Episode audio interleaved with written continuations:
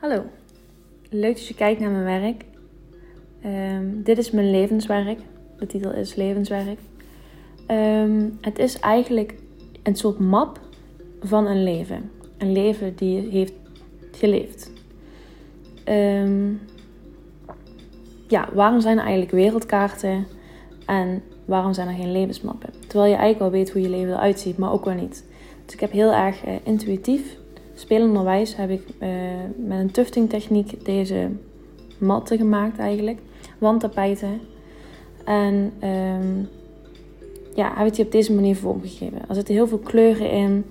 Uh, lijnen. En al die lijnen en kleuren staan bijvoorbeeld voor herinneringen. Mensen die je ontmoet. Uh, wegen die kruisen. Een soort openbaring. eigenlijk hoe een leven eruit zou moeten zien. Of ik denk dat hij eruit zou zien. Het is heel expressief gemaakt, dus heel erg met mijn gevoel erin. Um, ja. Kijk er vooral naar. Ervaar. Ga er dichtbij staan. Kijk eens in de spiegels. Loop nog een keer langs. Uh, en neem het echt aan je op. Al die kleuren, lijnen, vormen en je eigen reflectie.